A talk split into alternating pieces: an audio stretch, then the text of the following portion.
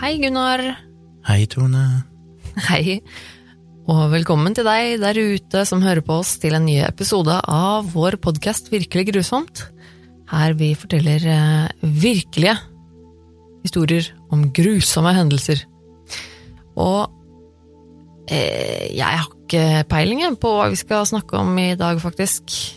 Nei, Men eh, kanskje jeg skal gjøre den lille, lille, holdt jeg på å si, lille jobben som må gjøres eh, før vi begynner på historien, nemlig å minne folk på eh, at vi har en, uh, en innboks der vi gjerne samler på tips, Eh, nemlig denne eh, mailen vår, virkelig grusomt at eh, gmail, eller gmail.com, er det det det heter på norsk?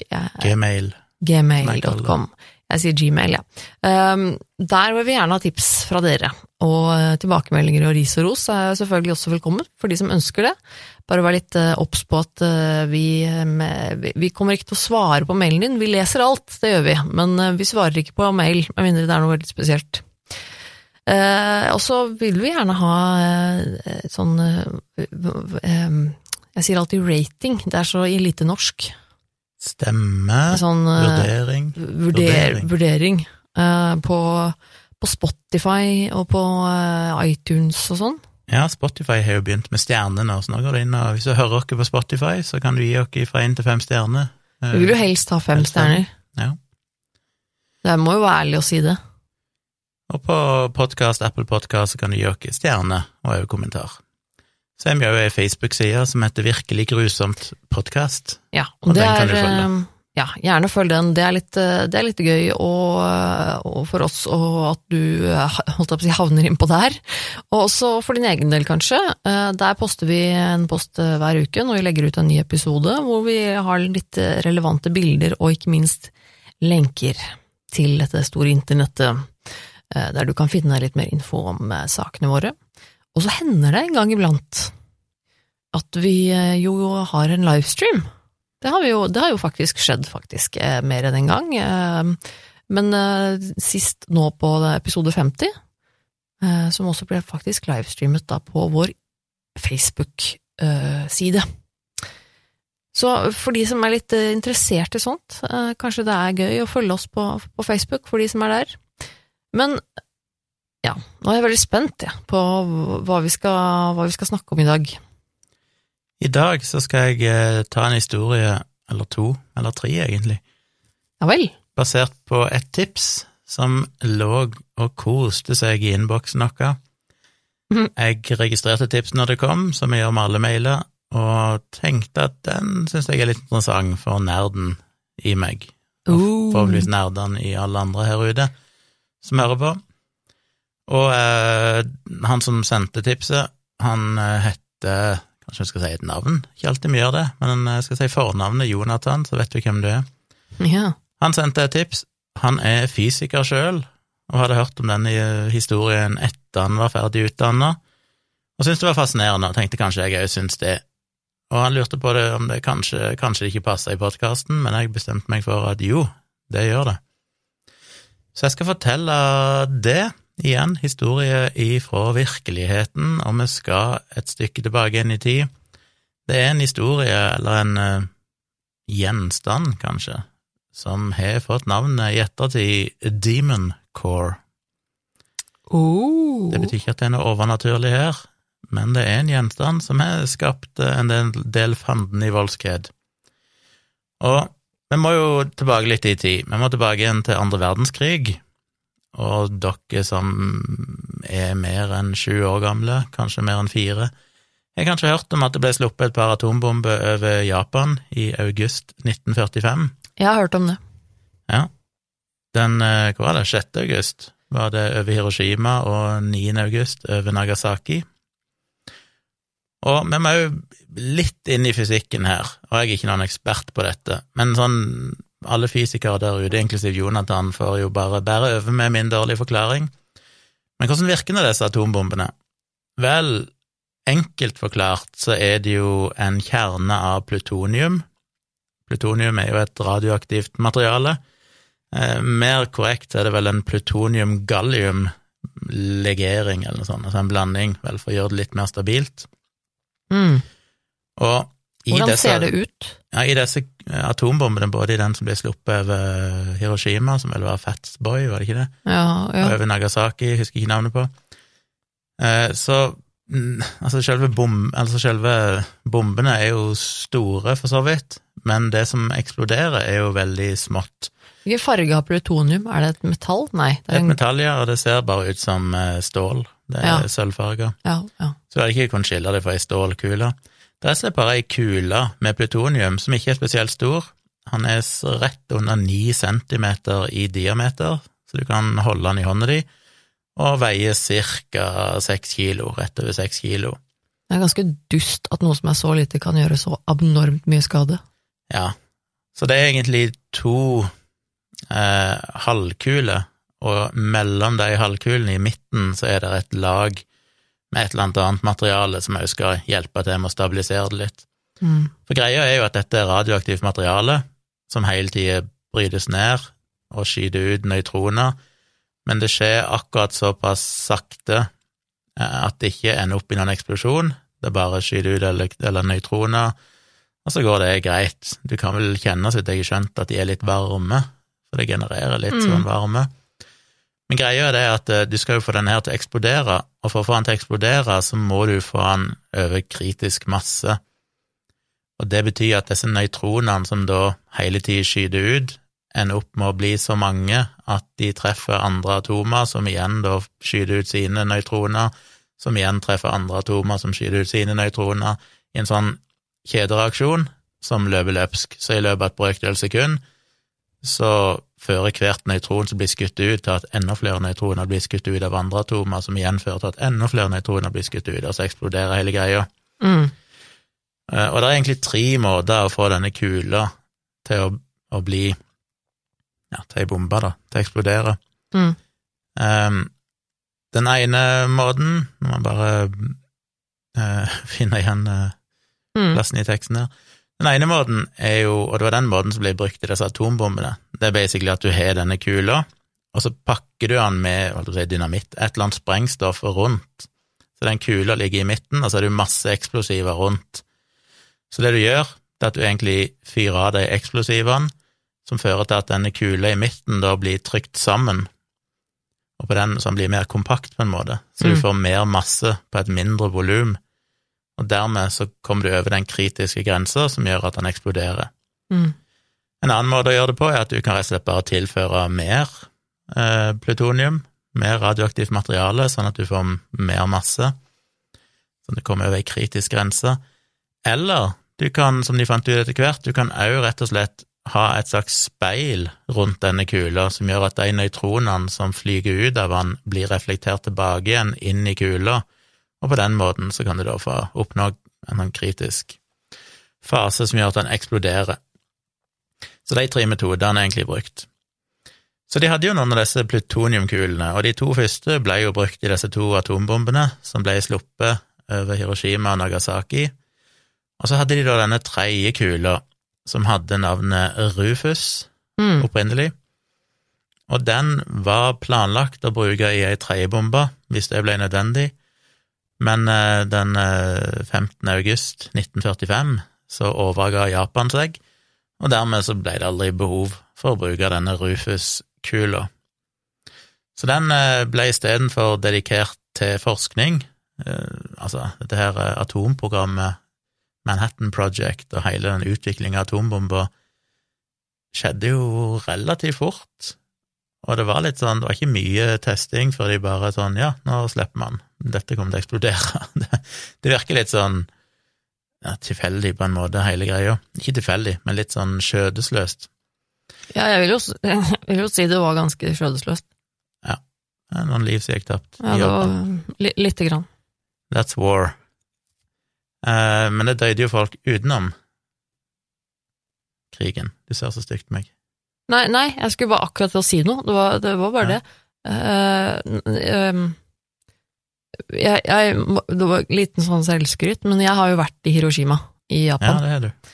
Eh, så jeg vil bare anbefale For det første selvfølgelig anbefale folk å dra til, eh, til Japan. Jeg er jo totalt Japan-nerd, så selvfølgelig sier jeg det, men, men eh, det å være i Hiroshima og faktisk være på dette, for det er jo dedikert et veldig stort og omfattende museum i Hiroshima, selvfølgelig, til denne hendelsen, da. Det er en av de sterkeste opplevelsene jeg har eh, hatt, vil jeg si. Eh, og det, det er eh, det er ikke så ofte jeg får en sånn følelse av å være ved et minnesmerke eller, eller museum, liksom, men, men det, var, det, det, er så bra gjennomført, og det er så bra um, ja, ja, utrolig, et utrolig flott museum, uh, så det vil jeg anbefale folk å se, hvis de har muligheten.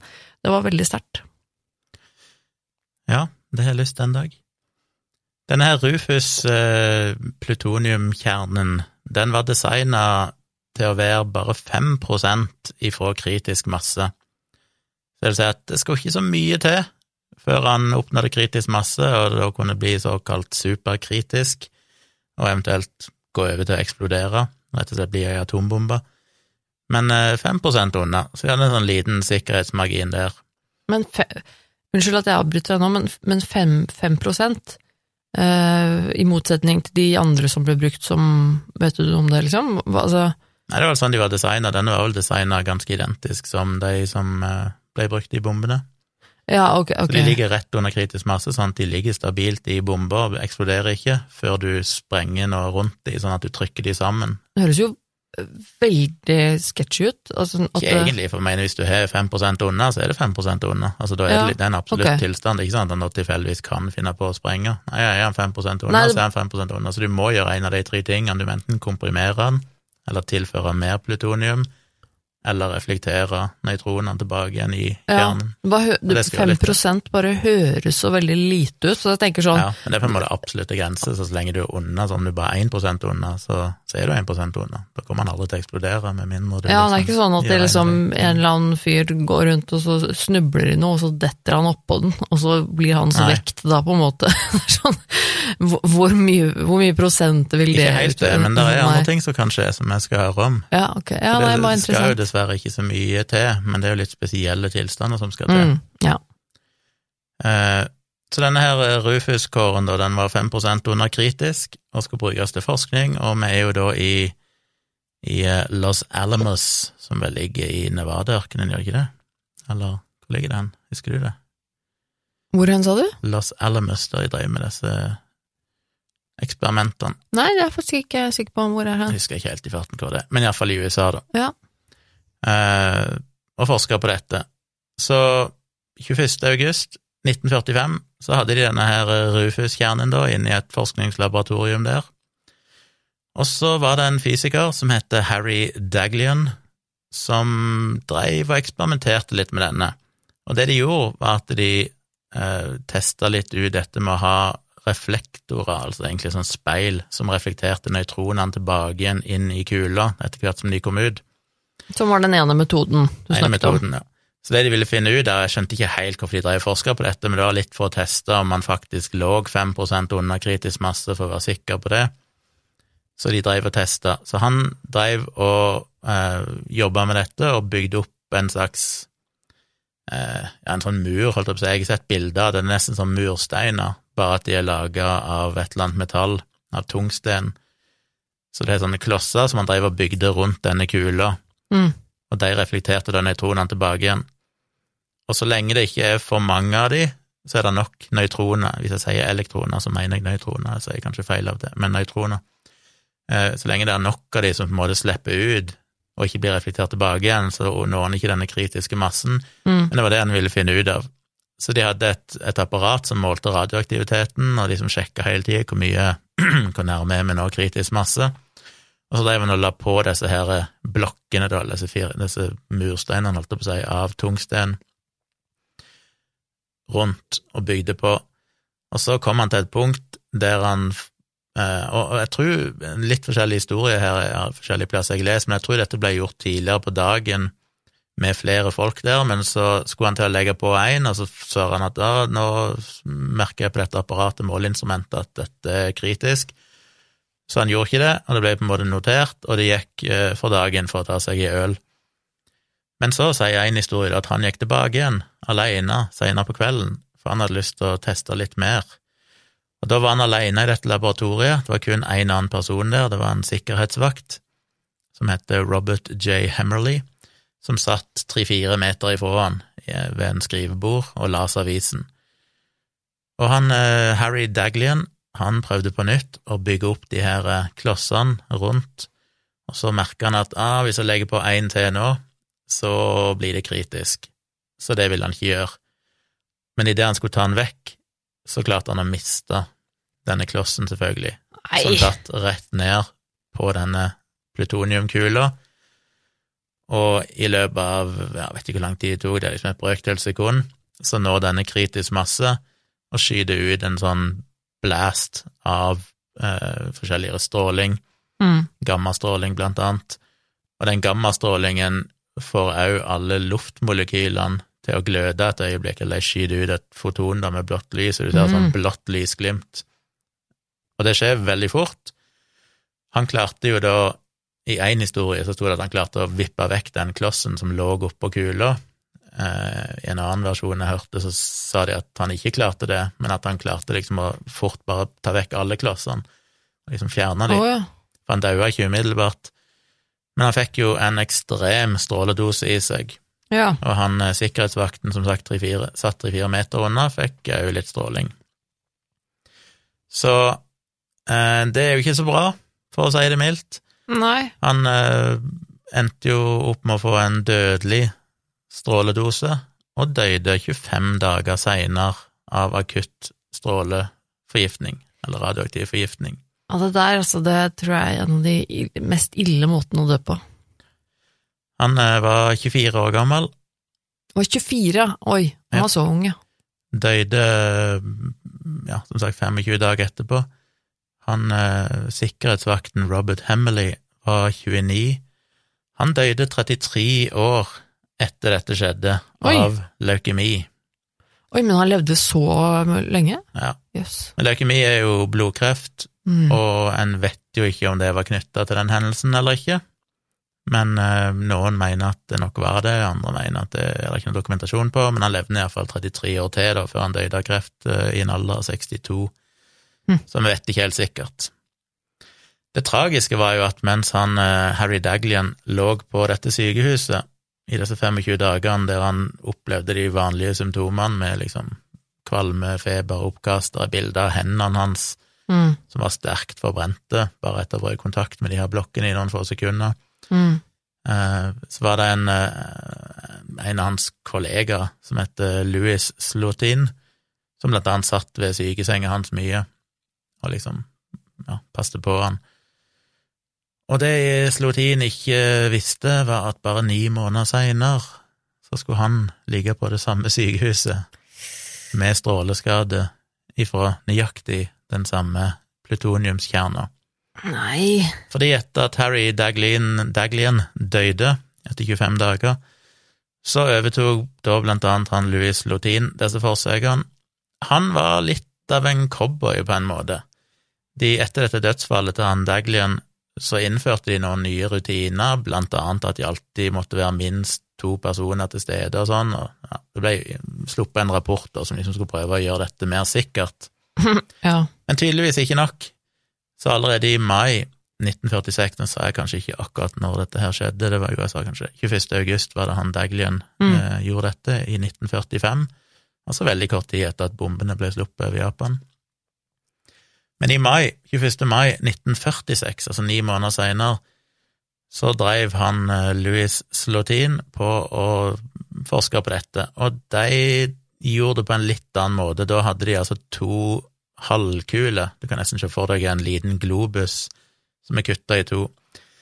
Så du har denne plutoniumkjerna i midten, den ligger fastmontert i en sånn svær metallskål med, ja, som sikrer den ene sida, og så har du den ene halvdelen av plutoniumskjerna, den stikker på en måte opp i lufta, men så har du en større halvskål, nesten som en sånn bolle du bruker til å bake brød i, bare av et eller annet metall og litt tjukkere, som hadde et hull i midten, og det hullet i midten, jeg vil tippe at diameteren her er kanskje 25-30 centimeter på denne halve, denne skåla.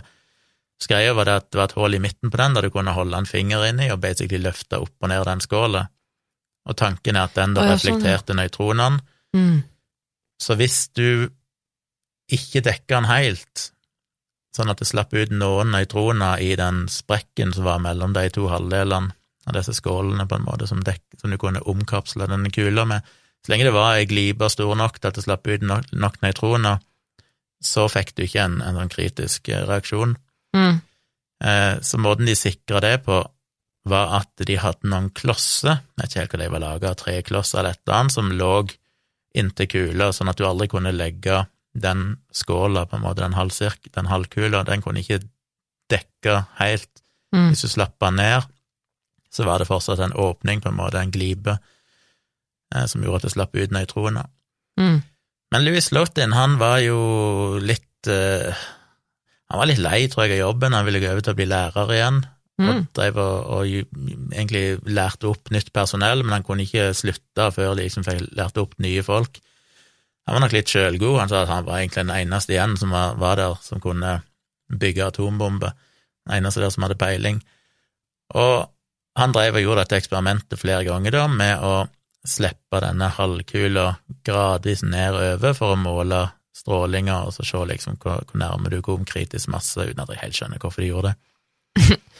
Ja. Men han var ikke så nøye på det, så han droppa disse her eh, klossene da, som skulle skille de. Han var ikke så nøye på det. Altså, hva Du, du sitter med ei atombombe mellom hendene, men det er, sånn. «Ah, det er ikke så nøye. så han eh, brukte begge hendene, og den ene kvelden, da, mai, eh, 21. mai, eller på ettermiddagen, så hadde han da, var det han og sju andre forskere som var der inne.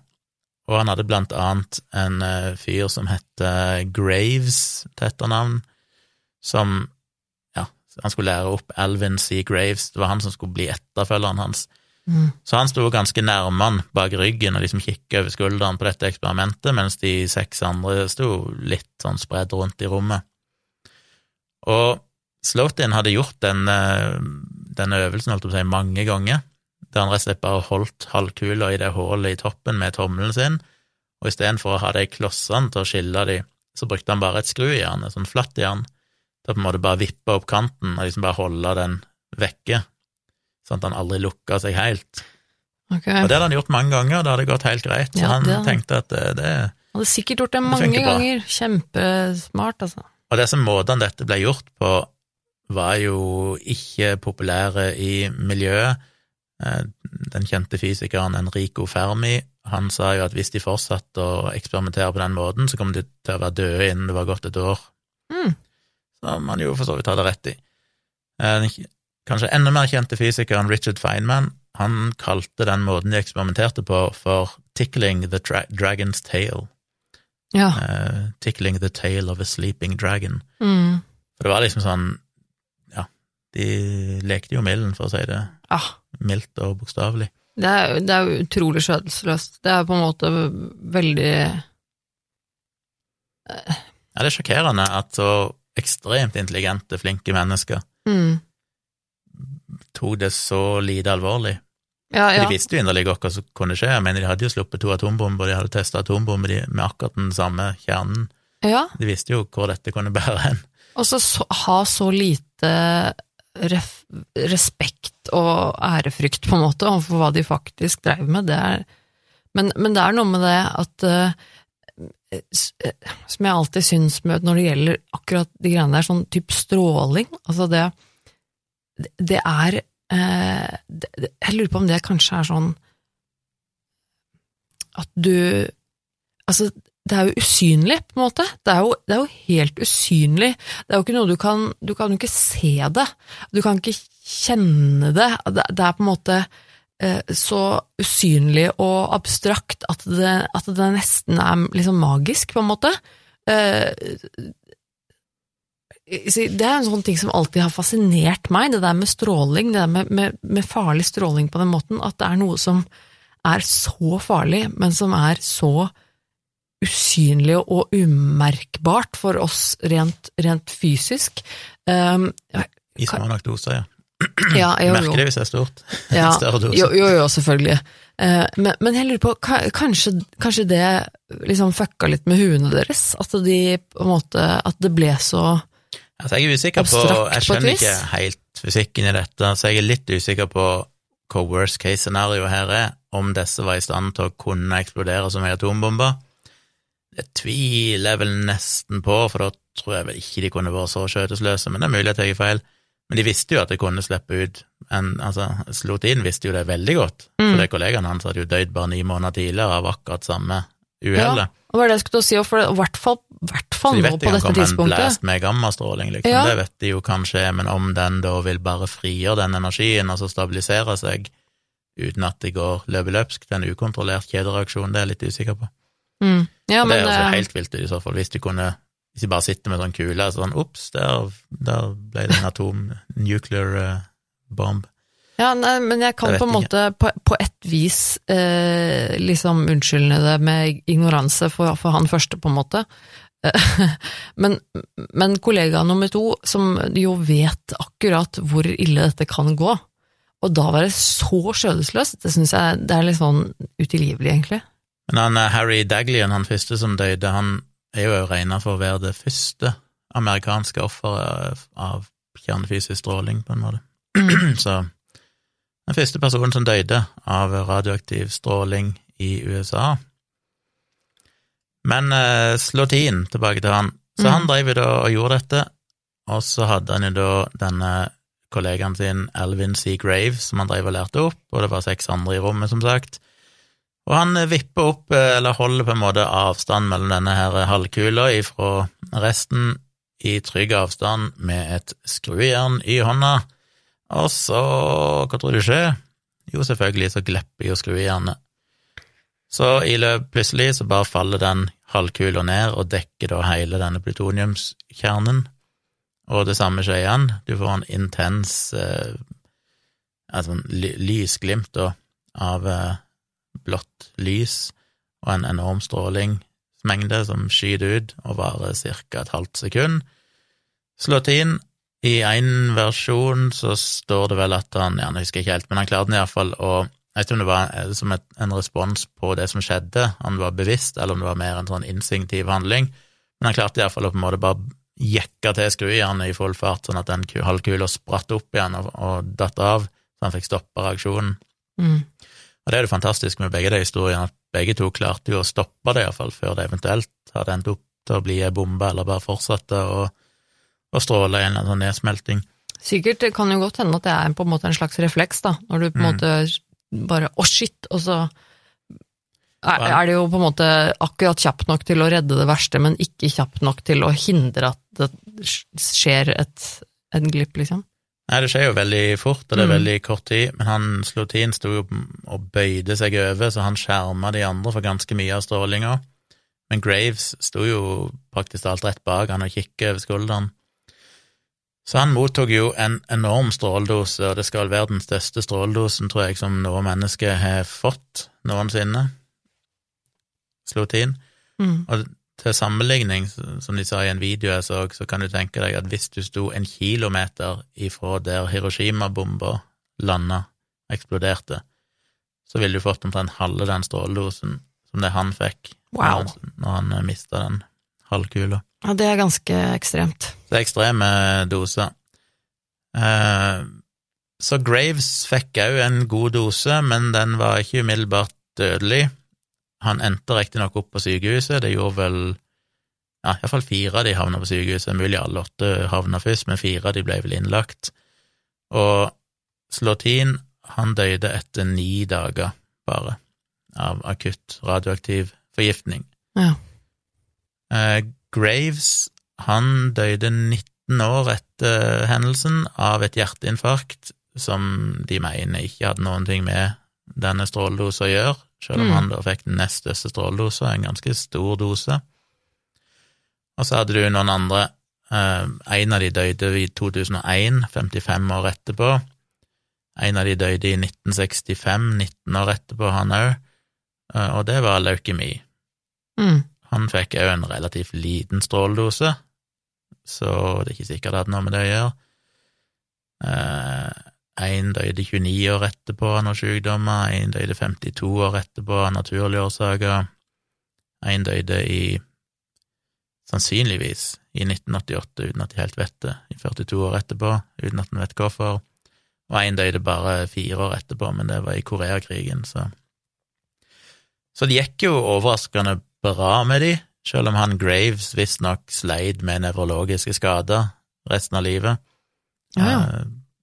Eh, Så han ble påvirka av det, han lå jo på sykehuset en stund, men han døde ikke som en sånn direkte konsekvens, muligens, av strålinga. Men du vet ikke hva slags nevrologiske skader? Nei, jeg, det sto, jeg har ikke lest om det noe plass, det ble bare nevnt i en av videoene jeg så. Ja. Så, Hm. så ja. Så det er jo ganske ganske tragiske og skjødesløse ting, egentlig. Og det var derfor denne Rufus-kjerna endte opp med å bli omdøpt til Demon Core, Demonkjernen, Mm. fordi den drepte to personer. Etter dette her så ble vel den kjernen eh, delt opp i mindre beder og fordelt ut på forskjellige forskningslaboratorium og sånn rundt om i USA, sånn at den ikke lenger eksisterte.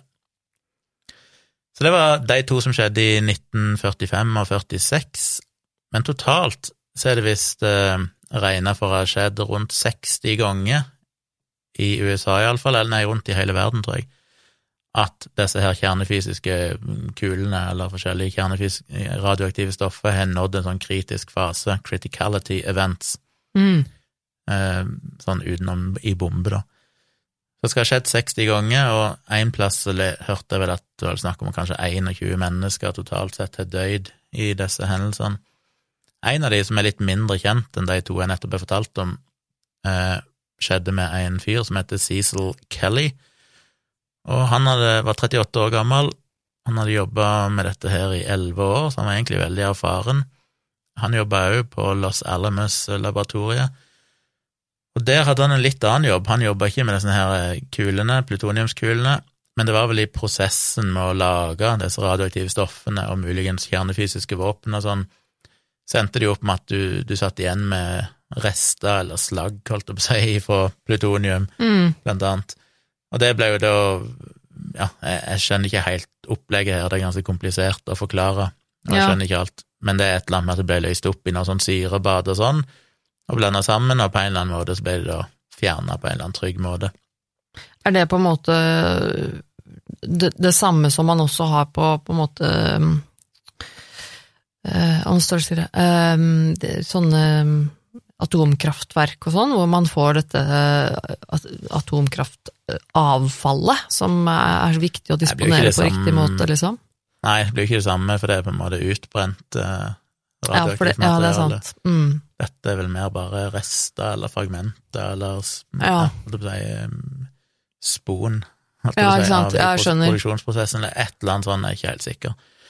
Men jobben hans, iallfall til Cecil Kelly, det var egentlig å overvåke at de, de blanda Disse stoffene kom i forskjellige sånne batcher, da. De hadde forskjellige tanker, der det kom rester fra forskjellige områder, også i forskjellige syrebad oppløst. Det ble puttet oppi en sånn 1000 liter stor tank, som ikke er så veldig stort, det er jo som et ja, eh, halvannen meter høy, eh, stor sylinder, holdt jeg på å si, en meter i diameter eller noe sånt, en, en tank, rett og slett, der det ble miksa sammen med en slags nesten, nesten en sånn svær brødmikser i en sånt svært bakeri som lager enorme mengder med deig, Mm. eh, og så fordampa og et eller annet greie, en eller annen prosess. Så normalt var dette veldig trygt, fordi at det var normalt mindre enn 0,1 gram med plutonium per liter av denne, dette, denne væska, da, som gjerne var en eller annen sånn syre. Så det var veldig små doser, på en måte, så det var ganske trygt. Eh, men denne dagen så visste ikke, og det strides jo de lærde om, om han visste det eller ikke visste det, eller hva som var greia. Eller, han visste det nok ikke, men han fikk iallfall inn noe som hadde en mye høyere konsentrasjon av plutonium. Eh, mer enn 200 ganger høyere konsentrasjon enn det han visste. Så han tømte dette oppi, og så blir det liggende i forskjellige lag, litt avhengig av hvilken væske det er. Så nå blir det liggende på bunnen, nå blir det liggende på toppen. Og det øverste laget, som visstnok var, hvis jeg husker rett, 20,3 centimeter tjukt, et lag med væske liksom på toppen, Mm. med plutonium i, det var, uten at noen visste det, så var det eh, ja, det var 20,3 centimeter. Hadde det vært 21 centimeter, så hadde det nådd kritisk masse. Oi! Så det var liksom hårfint under det som ville fått det til å Wow. starte en kjedereaksjon. Men det var det ingen som visste, for Kelly trodde at dette var like fortynna som alt annet.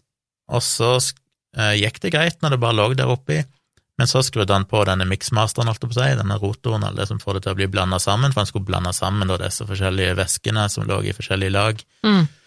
Og idet han gjorde det, så kan du tenke deg sjøl, hvis du starter i en miksmaster, så får du en sånn dragsug, holdt jeg på å si, Ja. der det går litt opp på kantene og et hull ned i midten. Og det fikk plutoniumet til å på en måte bli pressa ut langs kanten, så det ja. danna seg en sånn belte av plutonium rundt. Og da kom det akkurat over kritisk masse. Mm. Og han sto på en, en krakk og kikka ned, det var to sånne små vinduer dekka av glass, så du kunne se ned i tanken og følge med på det som skjedde. Så han sto på en krakk og på en måte kikka ned i et av de hullene, og så nå det kritisk masse. Eksploderer, eller eksploderer ikke, men det kom et, et glimt av, eh, av stråling, og igjen dette blålyset. Han ble kasta av denne krakken og datt ned på bakken. Eh, så han eh, følte seg ikke så bra. Han eh, sprang ut av rommet og følte seg helt uh, ræva, for å si det mildt. Han ropte til de andre som var der, I'm burning up, I'm burning up, og han hadde falt til bakken på utsida. Han var helt fjern, forvirra, klarte nesten ikke å prate. De andre der skjønte ikke helt hva som hadde skjedd, for det skulle ikke være mulig at det kunne vært radioaktiv stråling, for det var altfor små mengder plutonium.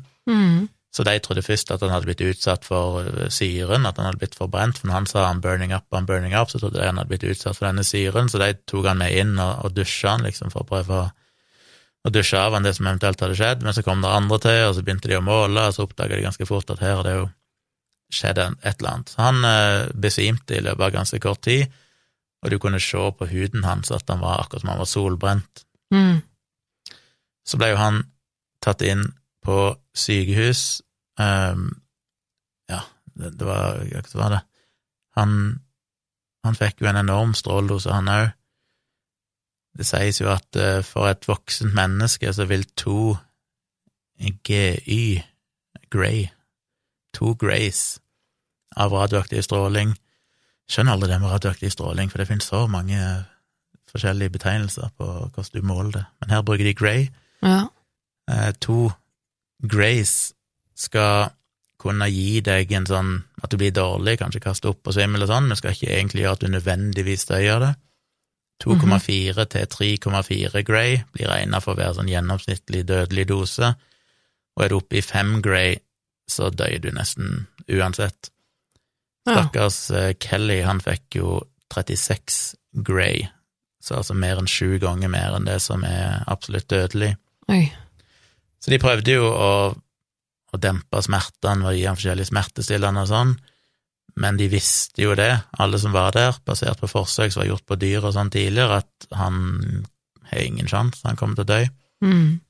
I løpet av innen det var gått seks timer, så var jo alle lymfocyttene, altså alle hvite blodlegemer, alt det som er, utgjør på en måte immunforsvaret, var forsvunnet. Etter ca. 24 timer så tok de en, en beinmargsbiopsi og fant at beinmargen istedenfor å være blodig og ja, så var den nesten bare som vann. Det var ingen røde blodceller i det. Og det er det som er så fælt når du får denne radioaktive strålinga, at du, dreper jo så mye celler. Du dreper de hvite blodcellene, som gjør at du sitter uten et immunforsvar, som gjør at den minste infeksjonen i praksis dreper deg. Du dreper de røde blodcellene, eh, produksjonen av de i ryggmargen, så blodet ditt blir jo fucka. De prøvde jo å gi han blodtrans, blodoverføringer og sånn, men det hadde jo ikke noen varig effekt. Og 35 timer etter at han ble utsatt for denne strålinga, så døde han. Så han er en av de som har dødd fortest av radioaktiv stråling, Mm. eh, som en kjenner til. Så er en litt usikker på hvordan en ulykke kunne skje og sånn, og de, men mest sannsynlig så er det kanskje han Kelly som tok litt snarere veier og blanda sammen mange batcher med sånn væske, for han tenkte at det var greit, det er jo så lite plutonium i det, for å Mm. spare tid eller et eller annet sånn, uten at han visste det, at plutselig fikk han inn noe som var mye mer høykonsentrert. Og så ble det jo en del uh, greier i etterkant, da, fordi at det er klart, når disse hendelsene skjedde, så, var jo, så ble jo umiddelbart disse stakkars menneskene forsøksdyr, holdt jeg på å si, for forskerne, for det var jo super viktig informasjon å få se hva er det egentlig som skjer med et menneske når de blir utsatt for denne strålinga. Så han ble jo utsatt for mye forsøk fram til han døde, og blant annet denne her biopsien av ryggmargen. Etter han døde òg, så ble det jo tatt ut eh, organer av han og alt mulig sånn. Eh, og han hadde jo ei kone, Doris Kelly, og to unger på 8 og 18 måneder. Doris Kelly fikk jo aldri beskjed om at dette var skjedd, før etter han var død, så selv om han levde i 35 timer etterpå, og de Mm. egentlig bare drev og forska på han, så fikk aldri kona hans beskjed om at han var utsatt for dette og lå på sykehuset, så hun fikk jo bare Ja, fikk jo ikke sett han før han var død. Hun fikk bare dødsbudskapet, rett og slett. Ja, så kort tid etter han døde, så kom det noen folk til henne og sa at øy, fortalte det som hadde skjedd, men så klarte de å overbevise henne om å ikke saksøke dette laboratoriet, Ja. eh, og skulle da få litt eh, penger, eller få iallfall de ja. garantert at hun ville være eh, sikra økonomisk resten av livet hvis hun ikke hadde kjørt noe søksmål mot dem. Mm. I praksis betydde det bare at de ga henne en livstidsjobb på dette laboratoriet, Nei, med en ekstremt dårlig lønn, som nesten var på fattigdomsgrensa, nei, fy fader. helt til hun pensjonerte seg. Hæ? Men i 1996 så gikk jo faktisk hun og dattera hennes til rettssak og saksøkte da denne De det? patologen som obduserte eh, Kelly, fordi de mente at eh, de i en periode fra 1958 til 1980 så hadde de gjentatte ganger drevet og tatt ut organer og gjort forsøk og sånn på disse folk som var utsatt for stråling, uten at det var godkjent av eh, nærmeste pårørende. Oi. Og denne obduksjonen av Kelly da var visstnok den første av den typen undersøkelser, men det ble gjort mange flere, blant annet av han Clarence Lushbow, som da var patologen som hadde undersøkt eh, Kelly.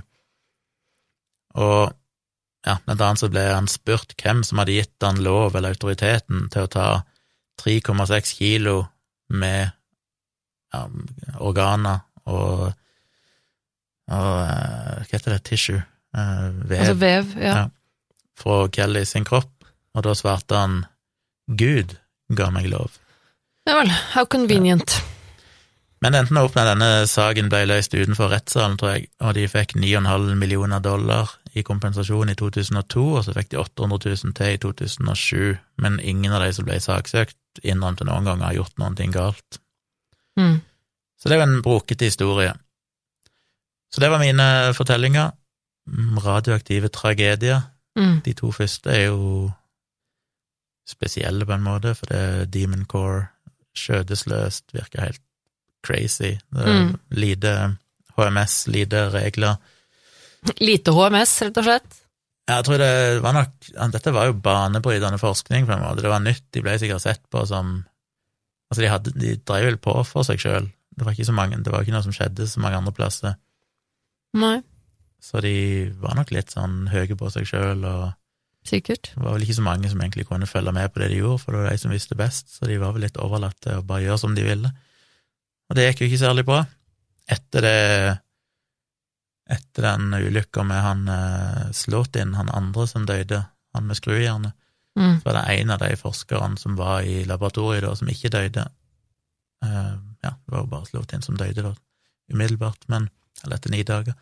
Men en av de, han var jo med på å designe et helt nytt oppsett, så etter den ulykka så ble det jo designa med at de brukte ja, en slags fjernstyring og videokamera og sånne ting, og så var selve forskeren langt, langt vekke, liksom en mange hundre meter vekke i et helt annet bygg og sånn, sånn at ikke disse tingene som kunne skje igjen. Mm. Litt rart at det ikke var sånn fra starten av, da, at de faktisk bare si. brukte hendene sine og bare sto bøyd over og kjørte på. Den siste ulykka med Cecil Kelly, den er jo litt mer sånn uhell på en litt annen måte, der han i mindre grad kan sies å bare ha vært Ja, han var muligens skjødesløs, han òg, men det var iallfall ikke så åpenbart at det kunne skje. Mm. Så de er tre dødsfallene, men det var mange flere i forskningen. Ja, det har jo det. Og det er, ja, nei, som sagt, det, det er nesten eh, det der med, med stråling og det å dø av, av akutt eh, radioaktiv eh, eh, forgifting. Det er ekstremt fascinerende. Og veldig, veldig grusomt. Det er eh, Jeg bare sier, jeg så en som kalt, en eller annen som hadde sett på dette, som kalte det for en tredimensjonal eh, solforbrenning. Ah, ja. Så det er ikke sånn at du bare blir brent på overflata på huden i to dimensjoner, på en måte. Du blir, du blir solbrent på organene dine Ja. inni kroppen din. Ja. De er forbrent, liksom. Så det, Og det er det som er så det var et godt bilde. Ja, det var det. Og det, jeg syns det er så Jeg tror nesten dette her Altså, for meg så, så eh, eh, høres kanskje litt sånn eh, teit ut, men, men for meg så er dette på en måte noe av det nærmeste vi i virkeligheten kommer på en måte en slags overnaturlig magi, eh, kraft på et vis, som på en måte eh, er helt sånn eh, Ja, det er virkelig vanskelig å, å skjønne og forstå det at en, en sånn type stråling bare kan eh, For å si det veldig enkelt, da, bare kan på en måte eh, forsvinne gjennom kroppen din, som på en måte ikke tar eh, hensyn til at den, at den går gjennom luft, men også treffer For kan jo, jeg kan jo sitte her og kjenne luften med hånda mi, og så kan jeg kjenne på kroppen at jeg kommer borti kroppen min, og der er det noe som fysisk stopper hånda mi. Jeg kan bevege meg fort gjennom luften, men også stopper det fysisk når jeg treffer kroppen min, eller når jeg treffer en gjenstand. Og det er jo så vanlig for oss mennesker å, å, å kjenne på den fysiske reaksjonen. At det er veldig fascinerende hvordan en kraft som er helt usynlig og liksom på en måte umerkbar for, for våre sanser, kan bare forsvinne rett gjennom gjennom deg, på en måte, og bare Ja. ødelegge cellene dine på et sånt eh, helt mikroskopisk nivå. Det er på en måte veldig sånn Og det at du også kan da få en øh, øh, Så det på en måte blir litt sånn, ma litt sånn magisk, hvis du skjønner. Og så Ja. i tillegg da at du øh, eksempel kan få en, da, en dose med stråling, og så dø mange år senere, eller eller kort tid for så vidt, også senere, men som en slags forbannelse, hvis du skjønner. Det er liksom sånn um, Nei, det, um, Det er merkelig, men det er litt lettere å forstå hvis du tenker på det som eh, Det er jo på en måte som å bli beskutt av et maskingevær, Ja. Med veldig små partikler. Veldig, veldig, veldig bitte, bitte små, liksom. Og det de gjør, er jo egentlig at de, de ødelegger eller de, ja, de ødelegger DNA-et ditt, blant annet. De bryter disse molekylbindingene i DNA-molekylene, som Mm. gjør at du får genskader, som gjør at du etter hvert gjerne utvikler kreft, blant annet. Mm. Og ødelegger cellene helt så ikke de klarer å reprodusere, eller deles korrekt og sånn, sånn at gradvis så bare ja, det forvitrer du innvendig ifra. Det er ganske grotesk. ja. Men det er jo enda mer fascinerende, synes jeg, med nøytrinoer, ikke nøytroner, men nøytrinoer, som er disse nøytrale partiklene, som ikke er noen elektrisk ladning, og de bombarderer oss jo hvert eneste sekund, ja. så er det flere milliarder nøytrinoer som går rett gjennom kroppen din og gjennom hele jordkloden, så hele tiden når vi sitter her nå, så bare fyker det milliarder nøytrinoer gjennom kroppen vår hele tiden, men de har ingen effekt, så vidt vi vet. Ja, Det er veldig fascinerende når vi går ned på et så eh, mikro- og makronivå at, eh, at det blir ting som er så usynlig og umerkbart for oss, da, for da Mm. blir det på en måte helt sånn mytisk. Jeg synes nesten det er enda mer, for for å spore av litt, nesten enda mer fascinerende med magnetisme, synes jeg da. Ja, men det For er det er liksom sånn, stråling er på en måte iallfall en Altså, nå er jo er jo dette både bølge- og partikkelnatur, vi skal ikke gå inn i, i kvantefysikken her, men, men magnetisme er jo på en måte bare en, en kraft. Det er liksom ikke partikler, det er bare det, det er så rart når du holder magneter og bare ser at det her, du kjenner at de trekker på hverandre eller skyver fra hverandre, men hva er det som er der, liksom? mm, Og det kan jo påvirke kroppen din ganske mye hvis du er kraftig nok magneter. Ja, det er veldig fascinerende. Det er bare helt usynlig magi. Ja, og det er eh, Det er jo på en måte Det er jo på en måte magi. Altså På mange måter så er det jo veldig magisk. Og det er noe som Sånne ting har alltid fascinert meg veldig, for det er eh, ting man eh, vi, vi, vi kan på en måte Vi kan bevise det. Vi, kan Vi vet jo at det, at det er sånn det er. Eh, men, men likevel så, så kan vi på en måte ikke fatte det likevel. Altså det er eh, ting som som vi bare ikke forstår på en sånn veldig konkret måte. Eh, og det, det er veldig fascinerende. Det er jo jeg, jeg tenker jo på det som veldig veldig spennende, men det er jo på en måte Det er jo ekte magi. Det er jo Vi skjønner det ikke, men det er jo forstått. Jo, men du skjønner hva jeg mener når jeg sier ikke forstå. Altså det blir, for at du, du, kan, du kan forstå det veldig eh, teoretisk og logisk eh, og på papiret og, og eh, vitenskapelig er det forstått eh, og, og bevist, men eh, på et sånt menneskelig nivå så er det jo helt umenneskelig. Altså det blir helt Ja. sånn magisk. Det er veldig fascinerende, syns jeg. Men det er rart hvordan disse forskerne alltid er forskere, sånn som når han eh, slo til inn, når denne ulykka skjedde med han og skrujernet, så var det jo som sagt åtte personer, da, han pluss sju andre. Idet denne gamma-bursten etter glimtet kom, så for det første så sa han ganske kort tid etterpå at ja, ja, det var det. Mm. Så han visste nok at uh, han var fucked. Men det første som skjedde, når det, var jo at alle de andre sprang ut av laboratoriet. Men da sa han jo til de at ropte han på de og sa kom inn igjen, og ga de kritt og sa kan alle merke ned på gulvet akkurat der dere sto, sette et kryss der dere sto. Ah ja. Og det er det tegninger som finnes i dag, der du kan se dette laboratoriet, og så er det kryssa av og satt opp, Mm. at han, da kunne han regne ut akkurat hvor mye stråling alle hadde fått, for Ja. det er jo en enkel matematikk. Eh, og så se liksom hvor Smart. fort kom de til å dø, eller ble de utsatt for Ja. en dødelig stråling, og sånne ting. Det er Fascinerende, altså. Men til og med det, etter at han visste at nå var han egentlig mest sannsynlig fucked, og det skjedde en så dramatisk hendelse, så er det liksom sånn nei, vi må, vi må for, fortsatt forske på dette, vi må bruke dette til det det er verdt, liksom, vi kan regne på dette. Tenk deg for en utrolig bisarr greie, da. Og så bli på en måte i et eh, halvt sekund da utsatt for så sterk stråling at du, du, du vet at ok, det var det, dette, her, Mm. dette kommer jeg ikke til å overleve, men likevel på en måte sitte der rett opp og ned. Eh, Ja. og være, holdt jeg på å si, vanlig, eller han merka det jo En sikkert, kort, men en kort stund, men ganske fort så er felles for de fleste er vel at de går ut og kaster opp og sånn, mm, for det skjer som regel, du får gjerne diaré, du får gjerne feber, du blir jo brent, eh, det er jo bilder av hendene til Slotin, han med skrujernet, som jo klarte å vippe vekk denne halvkula, mm, men du kan se at fingertuppene, sånn, sånn svarte merker, sånn, sånn, Mm. helt sånn forbrent i fingertuppene, mm. Eh, så det er jo, det er ikke en behagelig måte å dø på, Nei. for å si det mildt. Og det er også sånn som har fascinert meg eh, siden jeg hørte om Tsjernobyl-ulykken første Mm. gangen. Eh, det var jo Det skjedde jo før jeg ble født, men det har jo, siden jeg lærte om det, vært en sånn hendelse som har fascinert meg veldig. Eh, både selve det som skjedde, men også etterkant. Ikke sant? Dette med hvordan hele området ble forlatt, og i det hele tatt, det er så mye med det som er fascinerende for meg. Mm. Men, men eh, og det å da lære eh, på en måte hva som skjer med kroppen din, og hvordan du dør, da, rett og slett. Altså hva, hva den strålingen gjør med kroppen din, og hvordan du dør. Det er bare sånn fascinerende, virkelig grusomt. Altså sånn Jeg Mm. tenker at det, det må være så Det må være en så forferdelig måte å dø på. Ja, heldigvis, holdt jeg på å si, så ender de stort sett opp i koma etter en stund, og så er de ikke bevisste de sånn siste tida. Mm. Men det er ikke Men i motsetning til Tsjernobyl, så er jo ikke menneskene radioaktive etterpå.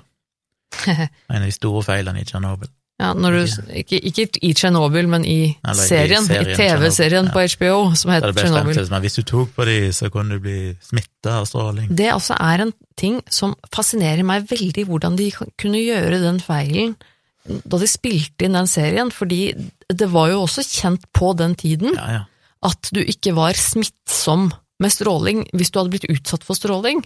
Det er rart for meg at når det, de var så nøye med å gjøre alt historisk korrekt, Ja, så virker det som at de beholdt den bare av liksom sånn dramaturgiske årsaker, for det, ja, det, det gir jo det gir jo god spenning og action, liksom, dette med at ja, det er spennende, men det er jo bare fullstendig vitenskapelig sett feil. Ja. Historisk sett feil. det, det er en lite skuffelsesmoment, men ellers så må jeg jo anbefale den serien på HBO. Eh, hvis det er noen som har tilgang til den eller ikke har sett den. Eh, den heter Tsjernobyl. Den er jo en utrolig bra laget serie, og den illustrerer jo veldig mye eh, veldig godt av hva som skjedde.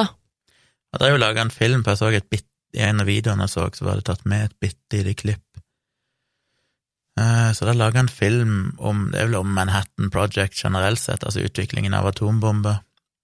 Og der er det en liten sekvens i hvert fall som viser den, i hvert fall den Slotin-hendelsen, da de med han eh, ja, Nå kommer jeg ikke på skuespilleren, men den filmen heter noe sånn som Fatboy, og jeg tror han heter navnet på de to. Little Boy and Fatman. Ja, ok. På om filmen heter det. Altså, det er ikke en dokumentar, men det er liksom en Ja, en filmatisering, på en måte. filmatisering av det.